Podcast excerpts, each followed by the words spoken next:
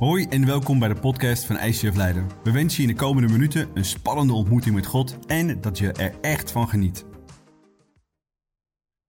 Hoe jij hier zo zit, of misschien mee thuis kijkt, of misschien vanuit de ICF Rotterdam of microchurches, waar je ook zit. Als ik vandaag aan jou de vraag stel, heb jij lijden in je leven ervaren?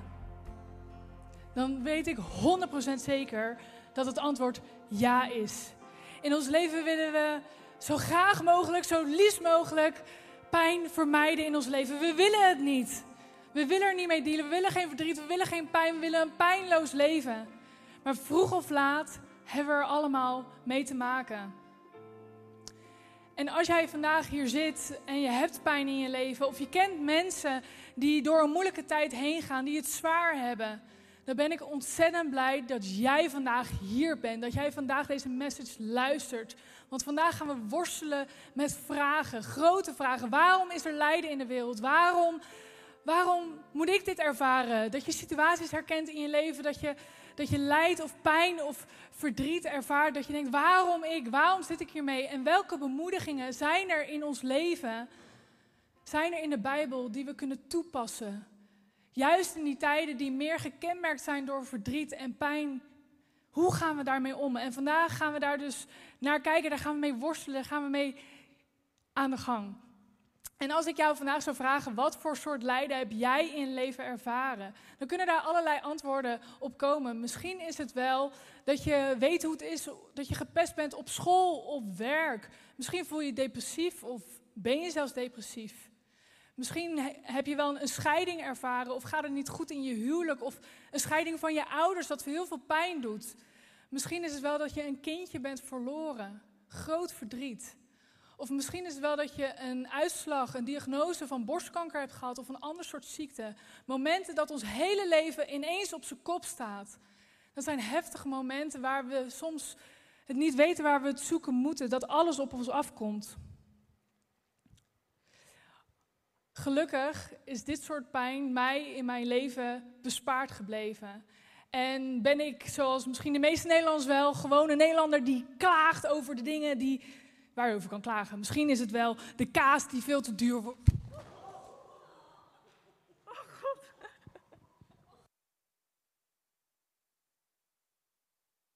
Uh, dat je op podium door een stoel heen misschien dat soort lijden. nou, bedankt. Misschien is het dat soort lijden in je leven dat je denkt, nee, dat zou ik misschien iets anders willen. Dat had ik me anders voor me gezien. Maar goed, dat zijn ook momenten waar we juist weer van uh, moeten opstaan en letterlijk door moeten gaan. Let's go. Oké. Hey, thanks. Um, maar er zijn ook momenten in ons leven, en die ken ik ook, dat het echt letterlijk donker wordt. Zo donker dat het begint te stormen in jouw leven.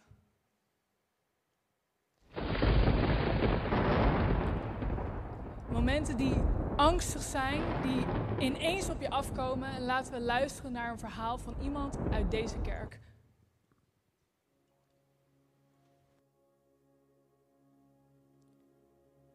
Ik weet nog precies toen ik het hoorde, dat het echt werkelijkheid werd. Mijn vader had kanker. En ja, je houdt nog hoop, want kanker is vaak te genezen. Alleen kreeg hij te horen dat de levensverwachting drie maanden tot bij hoge uitzondering twee jaar was. Dat was enorm schrikken. Ik dacht, dat kan niet. Hij gaat bijna met pensioen. We willen nog zoveel samen doen. En ineens is dan daar, binnen een bepaalde tijd, het einde. Dat is niet eerlijk. Waarom, God? Het was niet dat ik enorm boos op God was, maar ik begreep het gewoon niet. Waarom mag hij niet gewoon minimaal ergens 80 worden? Waarom stopt het hier?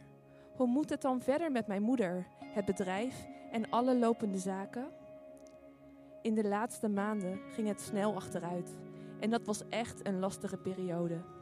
Mijn vader, die ik altijd kende als sterk en groot, lag toen heel veel magerder ineens op een bed in de woonkamer. Eigenlijk begint de periode van afscheid dan echt. Het was super moeilijk om te zien dat de, dat de krachten afnemen en het lichaam steeds verder afgebroken wordt. Bij het overlijden besef je pas echt: dit is voor altijd. Hij komt echt nooit meer hier terug. En dan breek je zelf ook. Maar ook het verdriet van je moeder, broers en zussen en familie raakt in, in, het, in het hart.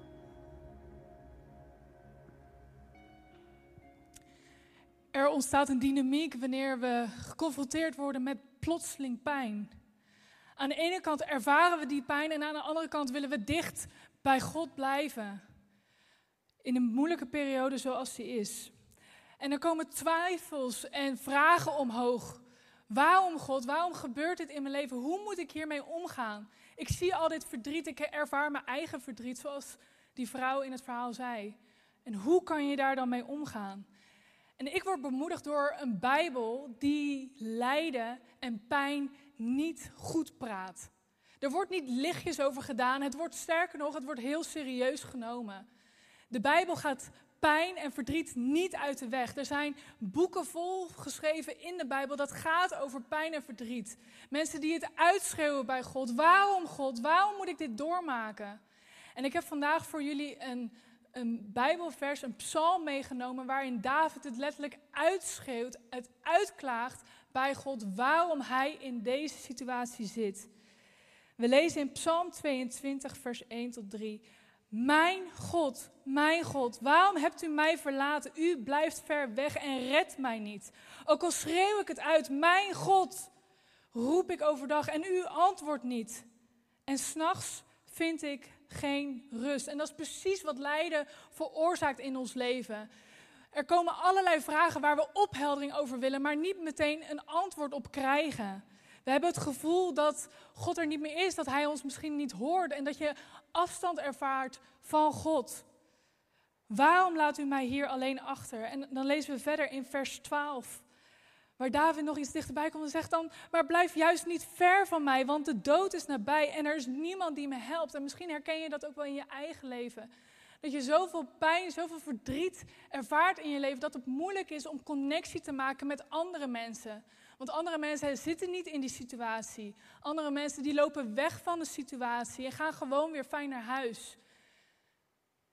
Momenten dat je geïsoleerd voelt, dat je afstand ervaart, ook van mensen om je heen. En je neemt steeds een stap verder terug. Een vers verder staat in vers 13: Een troep stieren staat om mij heen. Buffels van Bazan omsingelen mij. Roofzuchtige, brullende leeuwen sperren hun muil naar hun open. En van verdriet ga je naar boosheid. En je vraagt je af: waarom ik? Waarom zit ik in deze situatie? En het, het maakt je bang. Want je hebt de situatie niet meer onder controle. En zoals die vrouw in het verhaal ook de situatie van haar vader niet onder controle had. Ze zag wat het deed met haar omgeving. Ze voelde van alles. Maar ze had er geen antwoord op. In vers 15 staat: Als water ben ik uitgegoten, mijn gebeente valt uiteen, mijn hart is als was, het smelt in mijn lijf. Dat je zoveel pijn in je hart ervaart, dat je zoveel verdriet hebt, dat je pijn letterlijk, figuurlijk pijn doet.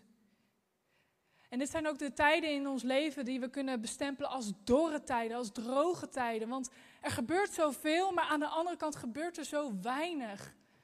En lijkt de situatie uitzichtloos.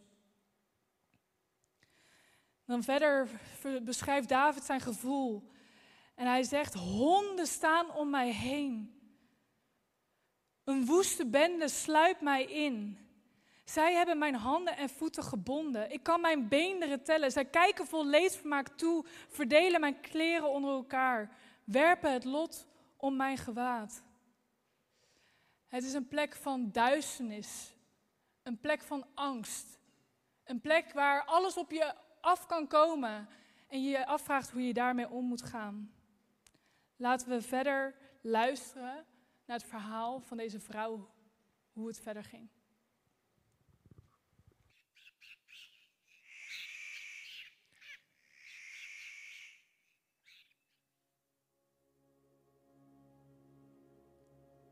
In de week dat mijn vader uiteindelijk overleed, kwam Psalm 23 op verschillende momenten steeds weer terug, doordat het voorgelezen werd of mensen het opstuurden. En die psalm zegt: God dat Hij altijd voor ons zal zorgen. En het was vooral deze zin die mij raakte en hielp. Al ging ik ook door een dal vol schaduw van de dood. Ik zou geen kwaad vrezen, want u bent met mij. In alle pijn heb ik God toch kunnen ervaren en wist ik, God is bij mij. Hij is bij ons. En in de hele week bleef er maar één worshipnummer continu in mijn hoofd spelen. Wide Open Spaces van ICF Worship, met het refrein op repeat. Even in the valley where our steps may falter, you are there so we won't go astray. Speak to our faith, teach our hearts to hold on. Shadows fade and death will not prevail. Aan die waarheid wil ik mij vasthouden. En vanuit die houvast ben ik in God blijven geloven. Al snap ik nog steeds niet waarom het, het waarom en heb ik geen antwoord van God. Ik weet dat er in deze wereld altijd lijden is. Maar ik weet ook dat God er ook altijd bij is.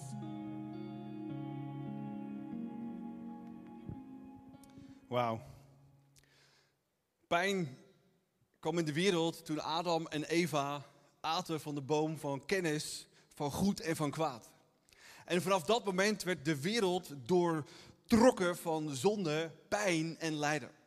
Dat is één kant van de zaak, hoe pijn en lijden in ons leven komt. Bijvoorbeeld door ziekte. Je hebt er niet om gevraagd, je hebt geen verkeerde keuze gemaakt. Het is simpelweg in de wereld. Het zit ergens in je lijf. En ergens in je leven komt het in je leven of je er gevraagd hebt of niet. Een andere vorm van pijn en lijden die in ons leven komt, heeft met onze keuzes te maken. waarin de natuurlijke zon in ons lijf ergens opkomt waar je geen grip op hebt, hebben we ergens anders wel grip op onze keuzes, waarin we goede keuzes kunnen maken en leven in overvloed kunnen ervaren. Maar we kunnen ook foute keuzes maken, waardoor pijn en lijden in ons leven komt. En het maakt niet uit op wat voor manier pijn en lijden in je leven komt. De vraag is, hoe kunnen we daarmee omgaan? Hoe kunnen we lijden en pijn in ons leven een doel geven? In plaats van dat het het leven ons nog meer eruit haalt, ons verder van God brengt, in plaats van dichterbij. En waar ik je mee wil nemen is, eerste gedachte vandaag, de pijn als springplank te gebruiken. En misschien uh, heb je daar nog nooit over nagedacht om pijn als springplank te gebruiken, maar dit is zo'n ontzettend belangrijk punt. En we kennen allemaal het principe van een veer. Als je hem indrukt, vliegt hij ergens naartoe. Maar als je hem richting geeft, een beetje wat meer die kant op, waar springt hij dan heen? Ponk! En de vraag is, wat voor richting geef je pijn, ponk, in je leven? Geef je het richting, ponk, dat het je verder van God afbrengt? Omdat je je inderdaad afvraagt, waarom ik en waarom gebeurt mij dit? En God, waarom, waarom, waarom? En die vraag van waarom is verschrikkelijk belangrijk. Maar brengt het je dichter naar God? Of verder ervan af? Na, een aantal maanden geleden zat ik in het vliegtuig met een zakenman met een groot eigen bedrijf. En die zei tegen Arie, tegen mij, waarom heb ik mijn zoon verloren op zo'n jonge leeftijd? Hartstilstand. En hij was zo bitter, zo ver weg van God. En mijn gebed in mezelf was dat hij ergens de pijn om gaat zetten. Dat hij dichter bij God komt. Want we kunnen pijn ook indrukken en dat het ons dichter bij God brengt. En dat het echt een doel gaat krijgen in en door ons leven. En pijn is de grootste drijfveer voor verandering in ons leven, toch? Ja, soms moeten we pas zoveel pijn in ons leven ervaren. En dan pas gaan we van koers veranderen. Zelf meegemaakt, of misschien wel bij andere mensen om je heen gezien. En dat mensen opeens pijn in hun leven krijgen, maar ze blijven stug doorgaan met wat, wat ze aan het doen zijn. Wel eens meegemaakt? Gewoon stug door blijven gaan. En dan komt er nog meer pijn. Stug door blijven gaan met die foute keuzes. Stug door blijven gaan. En er komt nog meer pijn, nog meer pijn. Tot ergens een balans in hun ziel uh, en waarschijnlijk in hun ego plaatsvindt. Dat ze zeggen, oké dan. En we andere keuzes gaan maken. En het ons dichter bij God brengt. Om misschien het leven op Gods manier te doen. En de zegen daarvan te ervaren. Of als pijn in je leven komt waar je niks mee kunt doen, het bij God te brengen. En dat is het volgende punt. Vecht tegen de juiste vijand. En ren in de juiste armen. En ik hoop met heel mijn hart dat je niet wacht en wacht en zelf en zelf en zelf oplossen en zelf proberen en zelf regelen en zelf oplossen en zelf proberen. Nee, dat zodra pijn komt, jezelf afvraagt, waarom heb ik pijn in mijn leven? Is dat omdat de wereld en mijn lijf zondig is en dat ik daar geen grip op heb? Of heb ik zelf ergens keuzes gemaakt die pijn in mijn leven trekken en ik andere keuzes moet maken en Gods principes moet zoeken, nederig zijn in mijn hart, die principes gaan toe te passen en dan te ervaren wat een leven in overvloed je kunt, kunt hebben. En dat is de vraag die we allemaal in ons leven hebben. Vechten we tegen de juiste vijand? En rennen we in de juiste armen? Want er komt pijn in je leven, vroeg of laat. Weet je waarom? Omdat we in een zondige wereld leven. Omdat je in een zondig lijf zit. En weet je waarom nog meer? Omdat we nog niet in de eeuwigheid leven. Want in de eeuwigheid kunnen we voor altijd en eeuwig, zonder pijn, zonder verdriet, zonder lijden, bij God zijn, God aanbidden en genieten van zijn aanwezigheid zonder dat alles. En we kunnen ons bijna niet voorstellen, dat is denk ik ook het grootste issue, wat een leven zou zijn in een wereld die niet doortrokken van zonde is, die niet doortrokken van pijn is, die niet doortrokken van lijden is, hoe dat eruit ziet. Dat is het grootste issue. Perspectief op de eeuwigheid. Mijn perspectief op de eeuwigheid is zo veranderd de afgelopen twintig jaar. Dat er soms dagen zijn dat ik zeg, Jezus, ik wil liever gisteren bij u zijn dan morgen. Maar we hebben hier nog wat te doen op deze wereld, of niet soms? Om mensen te leren om om te gaan met die pijn. Om mensen bij Jezus te brengen. Omdat ze echt kunnen ervaren en kunnen leren om anders met pijn om te gaan. En hoe doe je dat nou precies? Het eerste is in de pijn God aanbidden. Want je kunt pijn in je leven krijgen en er niets mee doen en het gewoon maar uitzetten. Oké dan. Maar je kunt er ook op een andere manier mee omgaan. Want waarom aanbid je God? Nou, als het goed gaat, kun je zeggen: Jezus, bedankt. Woe, mijn leven is amazing. Ik hou van u. Ik ga naar ICF en ik aanbid u. Is dat de makkelijkste manier van aanbidding? Ja. Maar wat nou als het leven uit je vandaag zo wordt? Dat je ziek wordt, ongeneeslijk ziek wordt, jezelf, je partner of je kinderen. En wat nou als je in die pijn, die uitdaging, dan God aanbidden? Dat is de hoogste vorm van aanbidding die je kunt hebben. Weet je waarom? Omdat je het dan echt alleen van God verwacht. Punt. Punt. Kan je ook wat anders doen? Ja, je kan ook weglopen. Ja, God, ik ben er wel een beetje klaar mee. En je gaat andere manieren en andere vormen zoeken om ermee te dealen. Weet je wat de Bijbel daar noemt? Een afgod creëren. En als die afgod niet werkt, dan zoek ik wel een andere afgod. En als die afgod niet werkt, zoek ik wel een andere afgod. Maar God zegt, als je in je lijden mij kunt vinden, als je in al je vragen, Jezus, waarom ik, naar de maker toe gaat, die je leven echt kan veranderen, die je misschien echt kan genezen. En zelfs als hij het niet doet, kunt zeggen, waarschijnlijk heeft u het beste voor me. Dan leg ik me daarbij neer. En precies dat beeld is wat we moeten hebben, waarin we onszelf overgeven, elke dag weer. Zonder lijden, maar met name met lijden, kunnen zeggen, Jezus, beter één dag met u dan in mijn lijden zonder u. Want als God weggaat in het hele verhaal, wat, wat, wat, wat hebben we dan nog over? Dan pas, dan pas, zou ik me echt hopeloos voelen. Alleen ik kan dat zeggen, omdat ik weet hoe groot mijn God is.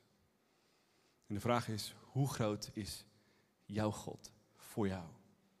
En is het de enige God in je leven die je nodig hebt? En dan zo'n nummer te zingen, naam boven alle namen, wordt dan echt een groot ding. Naam boven pijn, naam boven jouw pijn, naam boven verdriet, naam boven jouw verdriet. Staat jouw Jezus boven alle lijden en pijn in je leven? Als je dat kunt zingen. Als je die drempel over bent in je hart. Als je al die vragen van waarom ik voorbij bent. En kunt neerklielen bij jouw God. Dan wordt alles echt anders.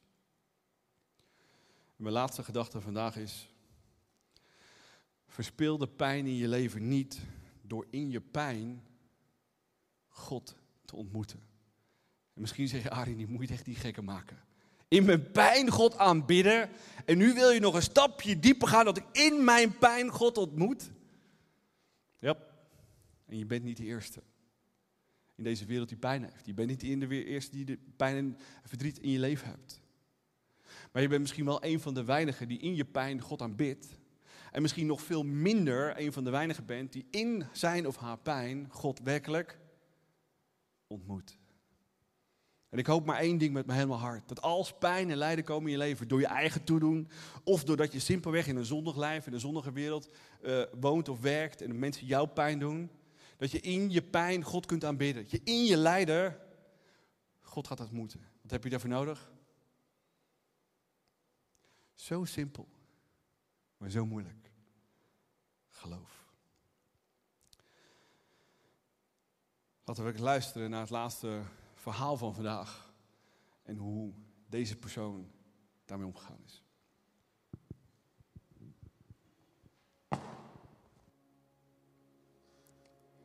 Het begon in de zomer van 2005. Mijn man kreeg ontzettende pijn in zijn buik. Dit was het begin van een lange periode van pijn, uitzichtloosheid en heel veel verschillende ingrepen. Eerst werd vastgesteld dat er een kiest in de milt zat. En nadat zijn milt operatief is verwijderd, ontstond er een ontsteking op de plek van de milt. Bij het behandelen hiervan ging het mis en werd zijn long geraakt, met een klaplong als gevolg. Die kerst was onze eerste kerst en oud en nieuw gescheiden van elkaar. En ik weet nog goed dat mijn dochter toen leerde lopen en dat hij dit moest missen. Het jaar erna volgde een littekenbreuk. Waarschijnlijk door de ontsteking kon de snee van de operatie niet goed herstellen. En er werd een plastic matje achter het litteken geplaatst. Kort daarna kwam de buikpijn weer opzetten en hier leek niets aan te doen. Ongeveer anderhalf jaar lang had hij er last van. Nog een aantal jaar later kreeg hij ineens weer buikpijn. Weer naar het ziekenhuis. Wat men ook deed, de pijn bleef. Niets hielp. Hij had ondraaglijke pijn, waartegen geen enkele medicatie hielp. Uiteindelijk bleek na lange tijd dat hij een beklemde buikzenuw had. Eindelijk een diagnose: acnes. Op de pijnpolie heeft hij meerdere behandelingen gehad, maar niets hielp echt, of het werkte maar tijdelijk. Uiteindelijk leek geen enkele behandeling meer mogelijk en stonden we met onze rug tegen de muur dachten we. Totdat we na veel omwegen bij een specialist terechtkwamen die een neurostimulator kon en wilde plaatsen, waardoor hij tot op de dag van vandaag geen pijn meer heeft in zijn buik. Als je man ziek wordt, denk je in het begin: ik ga wel een tandje harder lopen. Ik neem het allemaal wel op me. Maar al gauw merkte ik dat het voor mij te veel werd. Mijn chronische vermoeidheid speelde op en ik ontwikkelde gewrichtsklachten. Ik kon zelfs geen groenten meer snijden. En dan kom je op een dieptepunt als je beide zo beperkt bent. Wat nu? Ik heb momenten gehad dat ik niet eens kon bidden. Dat ik muziek luisterde en geen woord kon uitbrengen. Er kwamen alleen maar tranen. Ik was boos, maar ik durfde dat niet zo tegen God te zeggen. Ik ging als een klein kindje in een hoekje zitten met mijn rug naar God toe. Er zat een kink in de kabel. Er waren zoveel momenten waarop de situatie uitzichtloos leek. Weer een behandeling die niet lukte. Weer zo lang wachten tot er weer verdere stappen ondernomen konden worden. Die hopeloze situaties, die waren het zwaarst. Dan zakt echt de moed in je schoenen.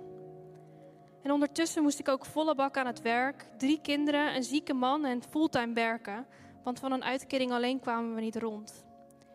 Hoe ik al die tijd de ballen hoog heb kunnen houden en hoe ik het vol heb kunnen houden, is menselijk gezien onmogelijk. Hopeloosheid is killing, maar God was altijd daar om mij hoop te geven. We hebben veel hulp gehad van familie en mensen die voor ons baden. Maar het bleek toch ook lastig om aanhoudende steun te blijven ervaren, omdat het allemaal zo lang duurde. Was er genezing van het een, dan was er weer een nieuw obstakel vaak om moedeloos van te worden. Maar de momenten dat ik boos was en het niet durfde te uiten en me daardoor van God afkeerde, die waren het zwaarst. Heel ongelukkig voelde ik me dan.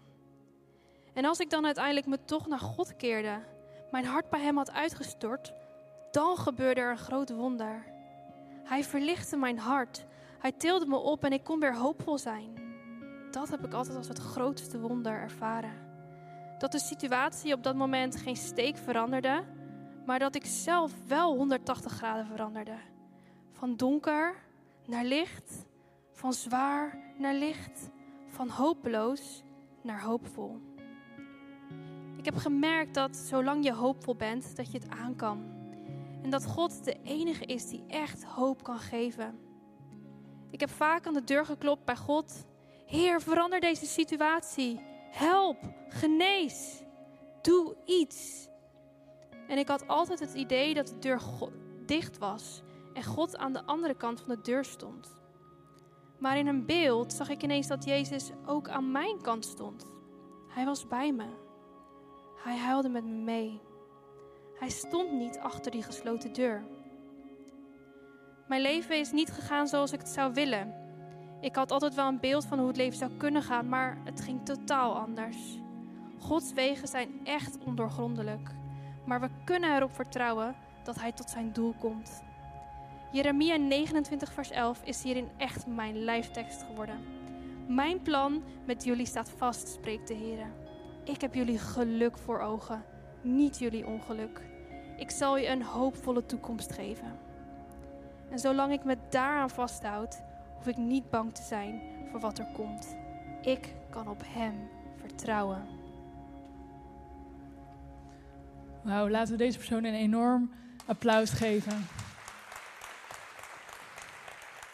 Om op deze manier God te ervaren in de pijn en boven alles dus Jezus op te zetten, dat vind ik echt bewonderingswaardig. In Psalm 34, vers 19 lezen we: De Heere is heel dicht bij mensen met een groot verdriet. Hij helpt hen die te neergeslagen zijn. Vele zorgen en problemen kunnen de gelovigen treffen, maar de Heere zal voor uitredding zorgen. Lijden is een strijd. Het is een worsteling. Aan de ene kant wil je dus heel dicht bij je geloof blijven, heel dicht bij Jezus. Maar tegelijkertijd heb je ook de strijd die pijnlijk is zoals die is en we worden weer teruggetrokken. Het blijft een worsteling. We weten waar we het willen zoeken, maar het doet ook pijn.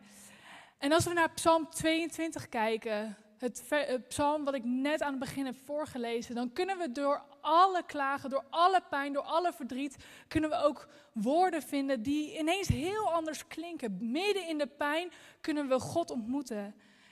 En ik neem je mee naar Psalm 22, vers 4. Daar staat: Toch bent u de heilige God. Heel Israël eert u met zijn liederen als koning. En ik geloof dat we te midden van de pijn, waar we ook zijn, dat we dit soort momenten en toch God kunnen ontmoeten. En toch is God heilig. En toch is God in deze situatie mijn redder. En toch in deze situatie kan ik op Hem rekenen. En toch in deze situatie zal hij hij er bij mij zijn. Zal hij naast me staan? Zal hij mijn hand vasthouden? En toch in deze situatie is God boven alles. En daarna staat in Psalm 5, vers 6 op. U hebben onze voorouders vertrouwd. Zij hebben vertrouwd en u verloste hen tot u geroepen en zij ontkwamen. Op u vertrouwd en zij werden niet beschaamd. En juist in die situaties dat jij het niet meer ziet zitten, dat ik het niet meer ziet zitten, vind ik het zo bemoedigend om naar mensen te luisteren. Om naar mensen te kijken hoe God er op die momenten voor hen was. Om daar geïnspireerd door te raken, door daar dat ook te claimen in mijn leven. Ik weet dat u het kan. Ik weet dat u voor een oplossing kan zorgen. God, u heeft het ook bij hen gedaan. Ik wil het ook zien in mijn leven. Dat kan hoop bieden, dat kan inspirerend zijn. Dat kan iets zijn waar we ons aan vast kunnen houden. En ook hoe de vrouw dat net zo zei in haar verhaal. Misschien loopt jouw verhaal, jouw leven niet op de manier zoals jij het had gewenst, zoals jij het had gehoopt. Maar ik hoop wel dat je weet in welke armen jij dus kunt rennen. Wie jij moet opzoeken in jouw pijn dat te midden van jouw pijn, te midden van jouw verhaal, dat God daar iets bijzonders doorheen wil doen. En niet om het allemaal goed te praten, maar wel om het in een ander daglicht te zien. En dat is precies wat we nodig hebben: dat we kunnen worstelen, maar tegelijkertijd ook weten waar we moeten wortelen. Dat we weten hoe we ons fundament moeten bouwen. Dat we dat bouwen op de waarheden van God, op de beloftes van God. Niet zoals hoe wij het zo graag zouden willen zien, maar wel hoe Hij is te midden in onze situatie. En als we naar Psalm 22 kijken, dan kunnen we ook een parallel slaan bij iemand die ontzettend heeft geleden voor jou en voor mij. En dan moeten we natuurlijk kijken naar Jezus. Jezus die voor ons aan het kruis ging. Jezus die met zijn armen wijd daar hing aan het kruis. Doorboord waren zijn handen, doorboord waren zijn voeten, doorboord was zijn zij. En hij leed. En wat hij aan het kruis deed toen hij daar hing, was op dat moment dat hij het uitschreeuwde naar God. Mijn God, mijn God, waarom hebt u mij verlaten? Wat Jezus op dat moment daar aan het kruis deed, was dat hij de woorden van het Oude Testament herhaalde. Hij herhaalde wat God, wat er in het Oude Testament was geproclameerd. Hij wist, ik moet dit doen, ik moet hier doorheen. Ik snap niet waarom, ik weet het wel, maar op dit moment snap ik het niet. En mijn God, waarom heeft u mij op dit moment verlaten? En in jouw pijn vandaag, of misschien dat je mensen kent die op dit moment door zo'n pijn heen gaan, dat je ook niet meer weet wat je moet zeggen, zegt Jezus, ik ben bij je. Want ik hing hier voor jou om een relatie met jou te hebben. Ik weet waar je doorheen gaat. Want iedereen om mij heen heeft mij in de steek gelaten. Ik weet hoe je je voelt op dit moment. Ik weet hoe het is om angst te hebben. Om niet te weten hoe het morgen eruit gaat zien. Waar ik volgend jaar zou staan. Ik weet het. Maar ik weet ook wat voor uitkomst we uiteindelijk zullen hebben. Jezus weet waar jij doorheen gaat, maar weet ook dat het beter wordt. En met heel mijn hart hoop ik dat we dat hier op aarde met elkaar kunnen ervaren. Die wonderen kunnen zien, daarover kunnen danken. Maar ook in die pijn naast elkaar kunnen staan. Met de belofte dat het uiteindelijk allemaal in de eeuwigheid klaar is. Dat er geen verdriet meer zou zijn. Dat er geen lijden meer zou zijn. En wat we op dit moment moeten doen, waar we ook zijn, waar je ook doorheen gaat, is weten wie je vijand op dit moment is. En als jij God op dit moment als een vijand hebt gemaakt in jouw leven, omdat het zo obvious is, omdat het zo duidelijk is, omdat je God niet ervaart, dat je denkt van, ik ben hier alleen.